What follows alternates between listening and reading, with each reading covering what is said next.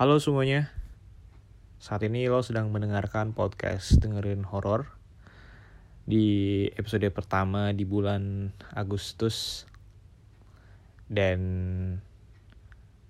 episode ini bakal tayang pada tanggal 16 Agustus.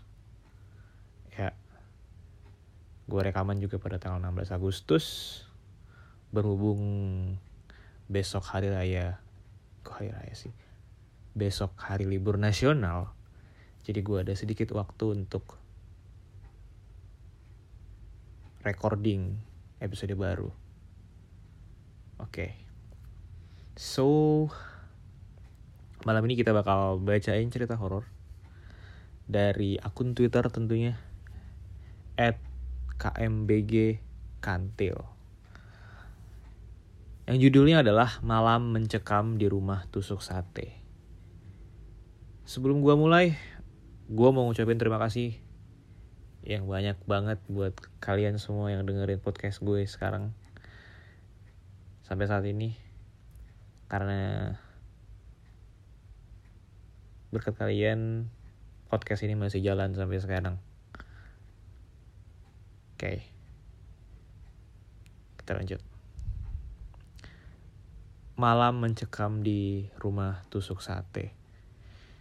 Buat yang nggak tahu, rumah tusuk sate, jadi rumah tusuk sate itu um, rumah yang langsung menghadap jalan utama. Jadi kalau misalnya ada jalan, rumahnya tuh bukan um, sisi rumahnya itu sisi depan rumahnya itu bukan menghadap samping jalan. Tapi menghadap jalannya langsung.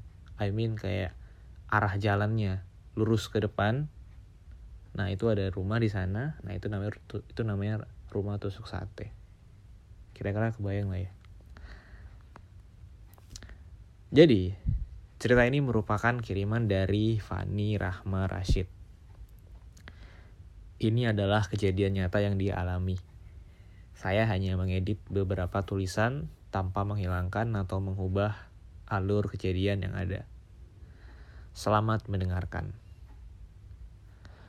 Hai semua, aku mau berbagi sedikit tentang pengalaman mistis yang mungkin menjadi gerbang pengalaman-pengalaman mistisku hingga dewasa. Awal mulanya sekitar tahun 2011, waktu itu aku masih duduk di bangku kelas 2 SMA di mana kelasku mengadakan kegiatan perpisahan kenaikan kelas. Kami berencana piknik ala-ala menginap selama satu malam di villa milik wali kelasku di saat itu. Sebut saja Bu Sri. Tentunya wali kelasku mendampingi sebagai penanggung jawab. Lokasi villanya ada di sebuah daerah Kabupaten Bandung. Perjalanan dimulai dari titik poin di depan sekolah. Kami berkumpul dan melakukan perjalanan. Sesampainya di villa, semua masih baik-baik saja. Aman terkendali. Dengan kondisi villa yang sejuk dan asri. Kami merasa betah dan ingin tinggal berlama-lama. Walaupun kondisi villa saat itu memang kurang terawat, tapi masih bisa kami bersihkan bersama-sama. Maklum, villa ini memang dikosongkan bertahun-tahun. Dan Ibu Sri kebetulan kalau berkunjung ke sini hanya menggunakan bangunan sebelah kanan saja atau bagian kamar.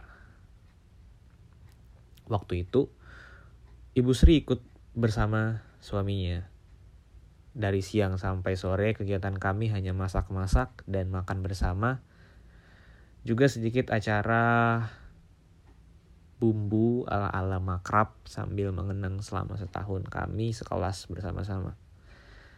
Semua berjalan menyenangkan sampai akhirnya sore hari datang. Nggak tahu apa ini perasaanku aja atau mungkin teman-teman lain juga merasakan. Vibes di sore itu rasanya agak sepi dan keeng. dalam bahasa Sundanya. Padahal jumlah kami tidak sedikit. Tentu harusnya terasa ramai. Posisi villa tepat di pinggir jalan kampung, cukup jauh ke jalan besar. Kanan kiri masih jauh dari tetangga atau rumah warga. Tepat 500 meter di depan villa ada masjid besar. Dan villa ini tepat menghadap ujung jalan atau banyak orang mengatakan sebagai posisi rumah tusuk sate. Waktu itu sekitar jam 17.30 menjelang maghrib, aku mengajak dua orang teman untuk membelikan cemilan ke warung di seberang masjid. Kemong dan Vira. Sebelum Vira melangkah dari teras villa, sibuk mencari sendal jepit yang bi yang bisa dia pakai. Aku dan Kemong sudah menunggu di pagar tidak lama kami berdiri di depan pagar, sayup terdengar suara orang melafalkan kalimat tahmid atau la ilaha illallah. Belum sempat aku melirik, Kemong sudah lari terbirit-birit ke dalam villa sampai kepalanya tersungkur di tembok ujung ruangan. Ternyata suara tahmid yang digemakan oleh beberapa orang itu disertai dengan membawa jenazah dengan ciri khas keranda ditutup kain hijau. Dipikul oleh beberapa orang dan sebagian mengikuti dari belakang. Memang tidak banyak, tapi tetap bikin kami cukup kaget dan merinding bukan main.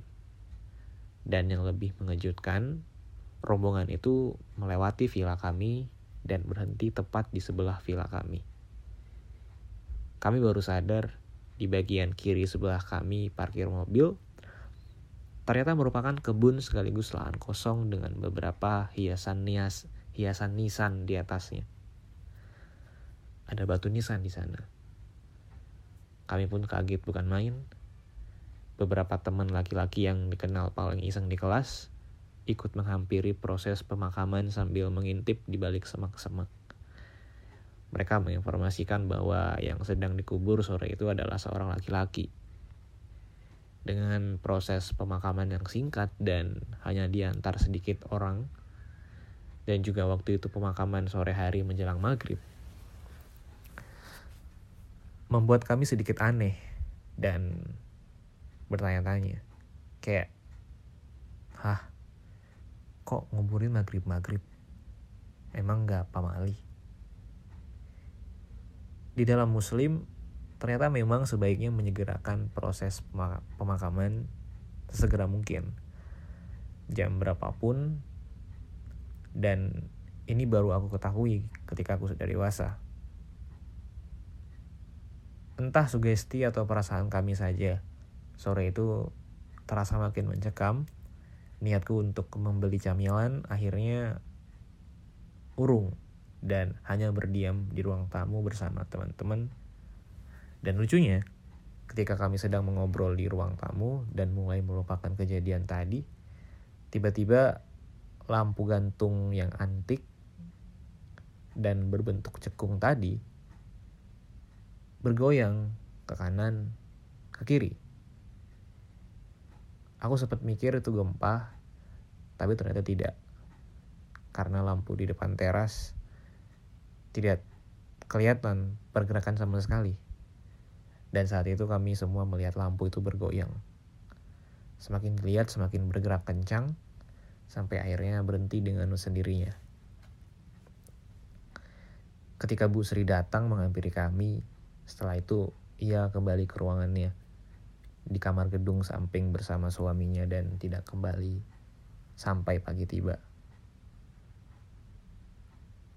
Untuk menghilangkan rasa ketakutan kami, kami memutuskan untuk sholat maghrib berjamaah di ruang tamu itu. Karena waktu sudah melewati maghrib dan langit sudah mulai gelap. Tentu kondisi sekitar semakin merasa semakin terasa hening dan mencekam. Tidak ada TV, tidak ada kursi, bahkan tidak ada gorden atau sehelai kain pun yang menutupi ruang tamu yang didominasi oleh kaca. Setelah kami sholat maghrib berjamaah, rasanya kami seperti diawasi banyak mata dari luar. Kaca-kaca dari ruangan tamu ini tembus pandang keluar, baik itu ke teras depan, halaman samping kiri hingga samping kanan. Kegiatan yang kami rencanakan pun sam semuanya berantakan. Hanya untuk membakar jagung di teras. Pinggir saja kami nggak berani. Dan malam itu terasa sangat panjang. Beberapa anak perempuan berinisiatif untuk menutup kaca-kaca samping depan, samping, menutup kaca samping dengan kain-kain yang bisa menutupi. Kami sita semua sarung dan jaket anak laki-laki untuk menutupi hampir sebagian kaca sebelah kiri dan depan. Saking takutnya, kami menutupi semua jendela dengan kain. Gak tahu rasanya, tapi sebelah kiri villa kami terasa lebih dekat dengan makam yang masih basah tadi. Dan itu memberikan sugesti kami menjadi lebih takut. Setelah itu kami hanya menghabiskan waktu dengan mengobrol sambil masing-masing menahan takut. Dan sekitar jam 10 malam, anak laki-laki merasa jenuh dan kesal dengan keadaan yang semakin tidak nyaman ini. Mereka memberanikan diri dengan sedikit umpatan. Udah, ngapain takut? Kalau makin takut, makin kerasa nggak enak. Akhirnya mereka memberanikan diri keluar dan mencoba menyalakan api untuk membuat jagung bakar. Tapi, tidak sampai 10 menit mereka di luar, mereka berhamburan dan masuk ke dalam villa dengan umpatan-umpatan kasar. Dua orang dari mereka mengaku melihat pocong sedang berdiri mematung di ujung villa, sebelah kiri bagian belakang tepat di dekat batas villa dengan kebun kosong tempat pemakaman tadi. Keadaan semakin gaduh dan kami ketakutan. Kami berkumpul di tengah mencoba saling menangkan. Tiba-tiba semua kain yang kami rakit untuk menutupi kaca-kaca lepas bersamaan dan meninggalkan pemandangan yang gelap gulita di balik kaca. Kami tetap mencoba tenang dan memasang kembali kain-kain itu sampai akhirnya satu jam kemudian teman dekatku memaksa minta ditemani ke belakang. Kebelet buang air kecil dan tidak mungkin berani sendirian. Akhirnya, aku dan tiga orang teman perempuan lainnya bersamaan menuju toilet belakang. Selesai temanku buang air saat berjalan menuju kembali ke ruang tamu, dua di antara kami dikasih kejutan yang sama sekali tak diinginkan.